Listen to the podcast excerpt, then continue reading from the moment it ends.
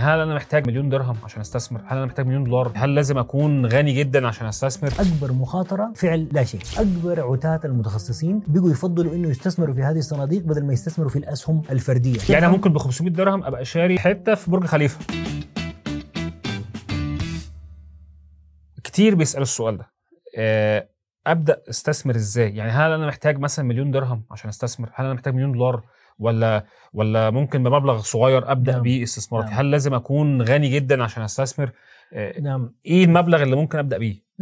أه، حقيقه دلوقتي في خيارات كثيرة جدا. يعني حتى الشخص مثلا ممكن يبدأ محفظة ب 100 درهم أو 100 دولار.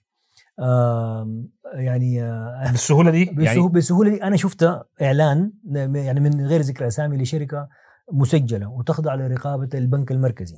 وشركة بتديك تتيح لك الفرصة إنك تستثمر في في العالم كله.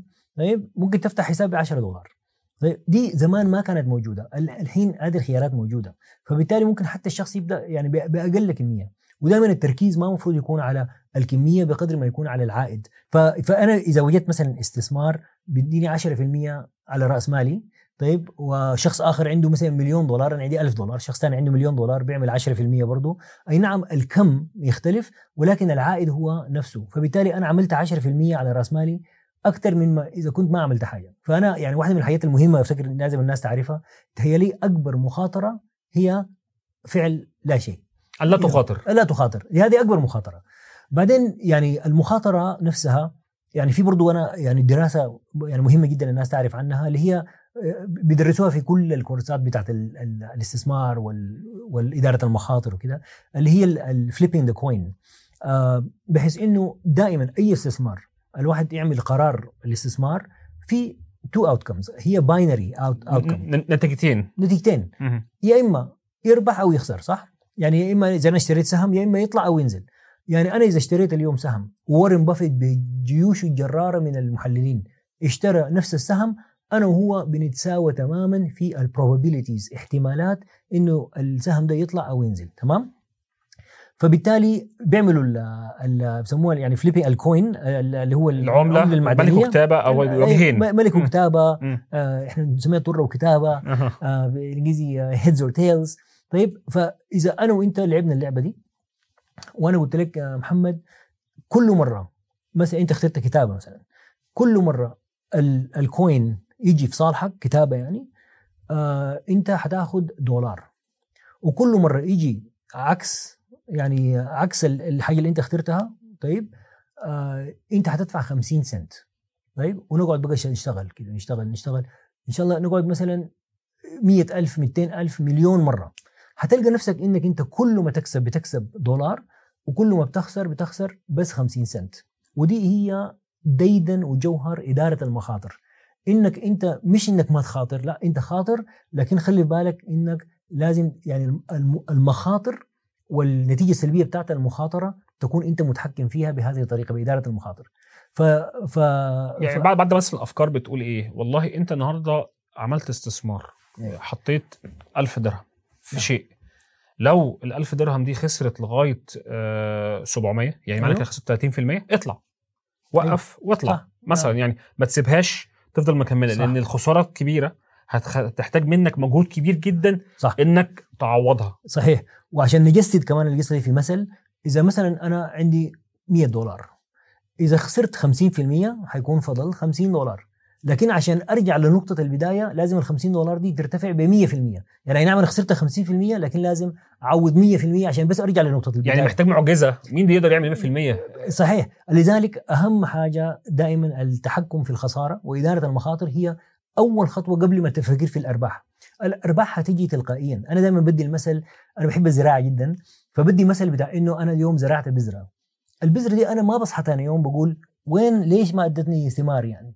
لا أنا بهتم بالبذرة بديها مثلا مية بحط سماد بمنع يعني برش مثلا المبيدات أو بحطها في بيت محمي أحفظها من الحشرات وإلى آخره. دي كلها إدارة مخاطر. بعد كده يوم من الأيام أنا حصحى من تلقاء نفسها هذه ال- ال- الشجرة يعني من مبدأ هل جزاء الإحسان إلا الإحسان حتديني هي ثماره بالكامل. أنا تهيألي الاستثمار هو لا يختلف عن هذه الفكرة يعني. إنه الواحد يهتم بتحديد و... و... وإدارة المخاطر.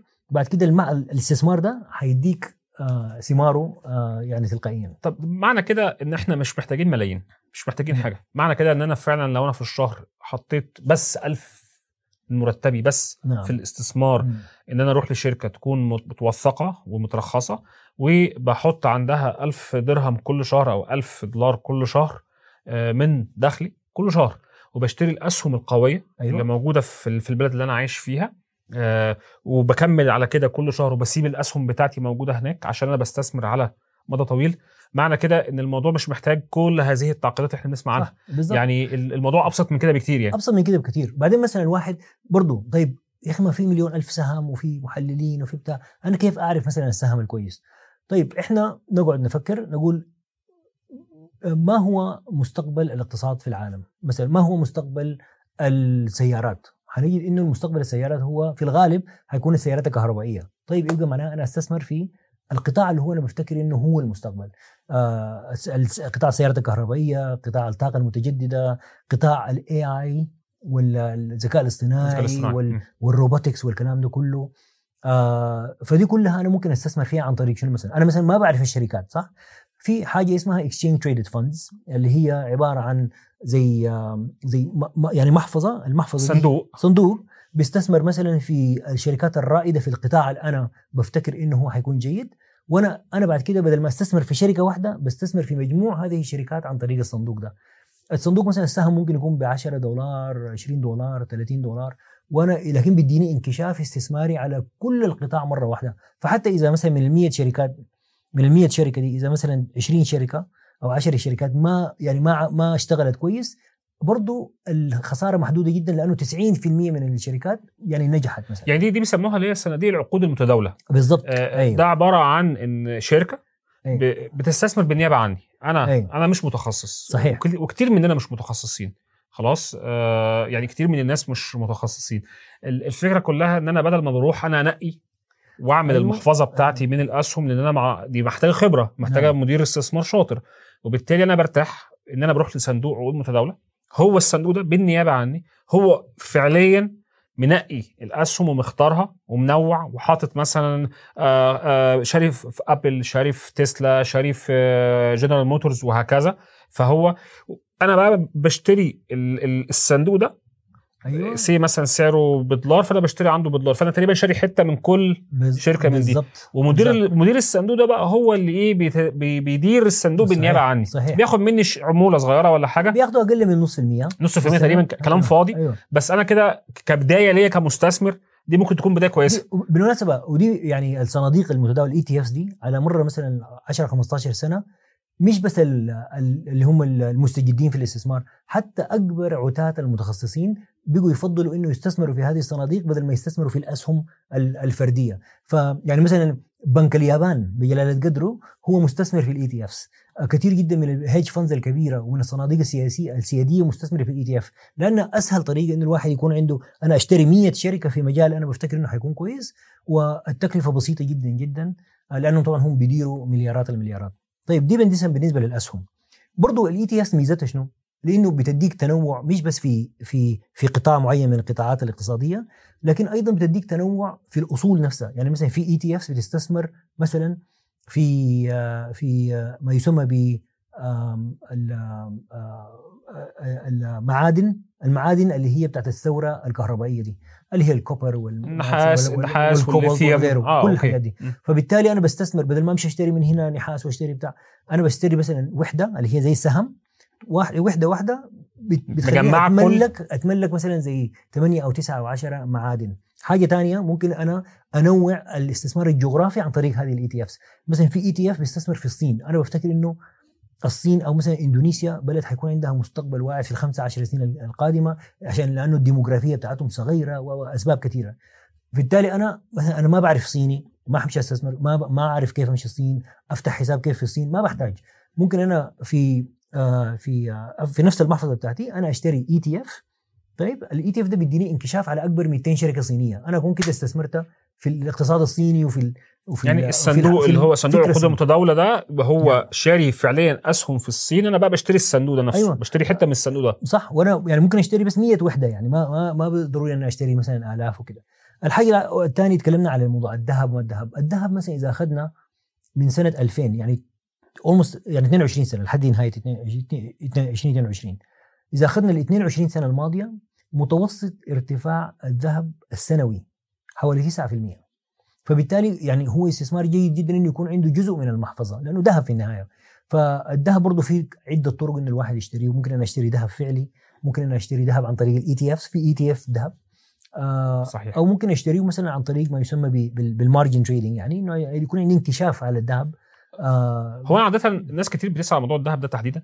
آه، آه، فكرة الذهب إنك ممكن تشتريه ببساطة. ربة البيت أو الناس اللي نعم. اللي مش مستثمرين. ممكن انت تشتري كل شهر اشتري حتة اشتري أيوة. حتة ذهب طب القاعدة بتقول إيه؟ آه القاعده الكلاسيكيه بتقول إن والله أنت الذهب مش منتج لعائد يعني نعم. الذهب مش زي الوديعة. أيوه. آه وبالتالي آه أنت ممكن كل شهر تشتري آه حتة ذهب كام في المية من الفلوس اللي معاك؟ من 5 ل 10% صح. واحيانا 15% ده على اعتبار إن الذهب مش منتج لعائد. وبالتالي أنا مثلا لو معايا في الشهر 1000 1000 فممكن 150 أو 100 من ال1000 دي أشتري بيها حتة ذهب وكل شهر ايا كان السعر عامل إزاي ليه لأن الذهب ميزته على المدى الطويل على السنين الطويلة جدا أيوة. بيديك عائد كويس على صح. على المدى القصير آه بي يعني إحنا شفنا مثلا في 2011 ما هو الذهب نزل من ال 2000 صح. آه، وصل ل 1000 يعني صح صح فقد أيوة. نص قيمته أيوة. بس على المدى الطويل أنت اتكلمت في 22 سنة بيعمل تقريبا متوسط 9% عائد صح صحيح آه وده معناه إن الناس اللي ده بالدولار آه. إيه. يعني مثلا تخيل مثلا بال... بال... بالعملات الثانية العملات الثانية بالظبط اللي هي انهارت أكثر قلت الدولار أنت بتكون عملت مثلا أضع- 100% ربما. بالظبط فده فده فده معناه ان إن الذهب أنت مش لازم تكون مستثمر مخضرم أنت ممكن آه كل شهر تشتري. حتة ذهب حتة ذهب عادي من السوق. اشتري سبيكة صح، اشتري صح. ما حتى لو مش غطا ذهبية. نعم. بس على المدى الطويل هيكون عندك أكتر من سعر. وبالتالي بعد سنتين ثلاثة أربع سنين هتكون شاري بأكتر من سعر وبالتالي هيكون. أنت عندك السعر بتاعك متوسط كويس فعلا هتحقق عائد من السوق لأن صح. كتير قوي بيجي يسأل يقول لي والله الذهب طلع ولا نازل أنا بسأله أنت تاجر أنت مضارب ولا أنت نعم. عايز بس تشتري ذهب وخلاص صح لو عايز تشتري ذهب عشان خاطر تستثمر لحياتك فهو من 5 ل 10% من الفلوس اللي معاك تشتري ذهب وتقسمها على الاشهر صح. كل شهر تشتري حتة صحيح. حتة حتة صح. مرة غالي مرة رخيص مرة غالي مرة نعم. رخيص مرة غالي نعم. غالي فبتجمع سعر متوسط على مدار أربع خمس سنين 10 سنين هتلاقي نفسك إن أنت صح. ماشي مع حركة الذهب بشكل مظبوط. برضه بخصوص المعادن الثمينة مثلا في الفضة، الفضة طبعا من المتوقع إنه الفترة القادمة القادمة حتكون يعني حترتفع بشكل أكبر وتيرة أسرع من الذهب. لأنه الفضة أيضا عندها يعني استخدامين، عندنا الاستخدام اللي هو ك يعني كز- كزينة وكده انها كبريشس ميتال ولكن أيضا يتم استخدامها في في الصناعة بشكل كبير جدا خاصة مع ثورة الكهرباء بتاعت الاقتصاد وأيضا بيتم استخدامها في اللوائح الشمسية وكده فعندها استخدام كبير ومتوقع إنه ترتفع. اتكلمنا كمان برضو قبل فترة عن العقار طيب العقار مثلا معظم الناس معظم الناس ما بيقدروا. ما بيقدروا يستثمروا في العقار لأنه يا إما ما عندهم رأس المال أو ما عندهم ال... لا يعني غير متاح لهم إنه يمشوا للبنوك وياخذوا مثلا قرض البنك حيقول لك اسمع أنت ما أنت ما, ما, بتعمل كفاية يعني عشان أديك قرض ب 2 مليون أو عشان تشتري شقة في مارينا ولا غيره ف في بعض الشركات إحنا برضو اجين محظوظين إنه نكون في مكان يعتبر مركز مالي متقدم جدا وحديث بحيث إنه حتى ال- الفرص الاستثمارية فيه اللي هي تعتبر ومقننة وتخضع لرقابة المؤسسات ال- الرقابيه دبي. في دبي. آه يعني بت- بتتيح فرص كبيرة جدا. في شركة من الشركات آه الآن عندهم آه وكتبوا عنها كثير لأنه نجحت بشكل كبير جدا. عندها اللي هي نظام ال- التملك التشاركي. آه فبيكون عندهم مثلا شقة في من الحتت اللي هي بسموها البرايم اللي هي الفاخرة. الفاخرة اللي هي عليها العائد الإيجاري بتاعها مرتفع بشكل كبير جدا. آه بيقولوا مثلا الشقة دي يا جماعة لسه مثلا بمليون درهم مثلا على سبيل المثال. وبعد كده الناس كلها بتشارك في تملك هذه الشركة هذه الشقة والعائد بتاعها بيتم توزيعه بالنسبة والتناسب. فمثلا اذا إذا افترضنا مثلا مليون محمد انت استثمرت مثلا مئة ألف اللي هي انت بتملك 10% فبالتالي من العائد الإيجاري حي- 10% بيمشي نصيبك انت محمد. أنا مثلا استثمرت ألف بس فبالتالي أنا معناها مستثمر حاجة بسيطة جدا فباخذ آه بمقدار العائد بتاعي بيكون بقدر الألف. لكن نرجع بدو نذكر إنه إذا قلنا العائد الاستثماري 10% في المناطق دي هتلقى إنه أنت في المليون بتاع في ال ألف بتاعتك عملت 10% حلال عليك. أنا في الألف بتاعتي دي برضه عملت 10% برضه يعني أنا بالنسبة لي جيدة. طب, دي دي الحد ادنى كام؟ 500 درهم. 500 درهم. 500 درهم. يعني أنا ممكن ب 500 درهم أبقى شاري آه، حتة في برج خليفة. يعني آه، أيوة طوبة. مثلا. يعني طوبة اي طوبة مثلا أو أو بلاطة. بلاطة في مارينا. يعني لكن يعني فعليا موضوع الاستثمار مش محتاج كل الملايين دي. يعني ممكن ب كل 500 الملايين درهم يكون عندي آه، استثمار في عقار أنا مش شاريه كله ولكن شاري حتة منه. وبيجي لي عليه عائد 10% فمعنى كده لو دفع 500 درهم بيجي لي عليها 50 درهم. ده حلو. صح. يعني لو 50000 يبقى 5000 بالضبط وبعدين شنو؟ يعني هذه ال ال ال هذه ال ال الأصول الاستثمارية العقارية أنت ممكن تمشي تشوفها بنفسك وتمسكها يعني. عرفتها؟ يعني لأنه هي شقة في عمارة موجودة متاحة ومسجلة في في اللي هي الريرا آه وتخضع لرقابة المؤسسات الرقابية زي ما قلنا وهي موجودة هنا معاك في البلد. فدي كلها فرص يعني ممتازة للناس إنه يبدأوا ال- الرحلة بتاعتهم الاستثمارية. الموضوع كله بيبدأ بالاكس راي اللي هو الموازنة بعد كده الادخار بعد كده الاستثمار. يعني إحنا إحنا النهارده يمكن اتكلمنا على المبادئ الأساسية بتفكيرنا إزاي إن إحنا نفكر في الاستثمار. طبعا ما اتكلمناش على على الشق الفني نعمل إيه ونجيب إزاي وإزاي ننوع بس على الأقل قدرنا نفهم إن إحنا لازم آه، نعمل آه، خطة واقعية قبل القياس. لازم آه، ندخر لازم نعمل صندوق طوارئ ولازم نعرف إزاي نقسم مرتبنا ونقسم دخلنا على ال- الاستثمار. أنا متشكر ليك جدا يا عمرو على على المقابلة الجميلة دي وإن شاء الله في الحلقات الجاية نتكلم أكتر بقى بشكل أكبر على إزاي بقى نستثمر فعليا. يعني إزاي ناخد ال ال 1000 دولار دي في الشهر ولا ال 1000 درهم دي ونستثمرها إزاي بشكل فعلي آه، في أكتر من مكان ونعمل ده إزاي. شكرا على الاستضافة أنا سعيد اكون معكم وكل التوفيق إن شاء الله لبودكاست وقناة المال. شكرا.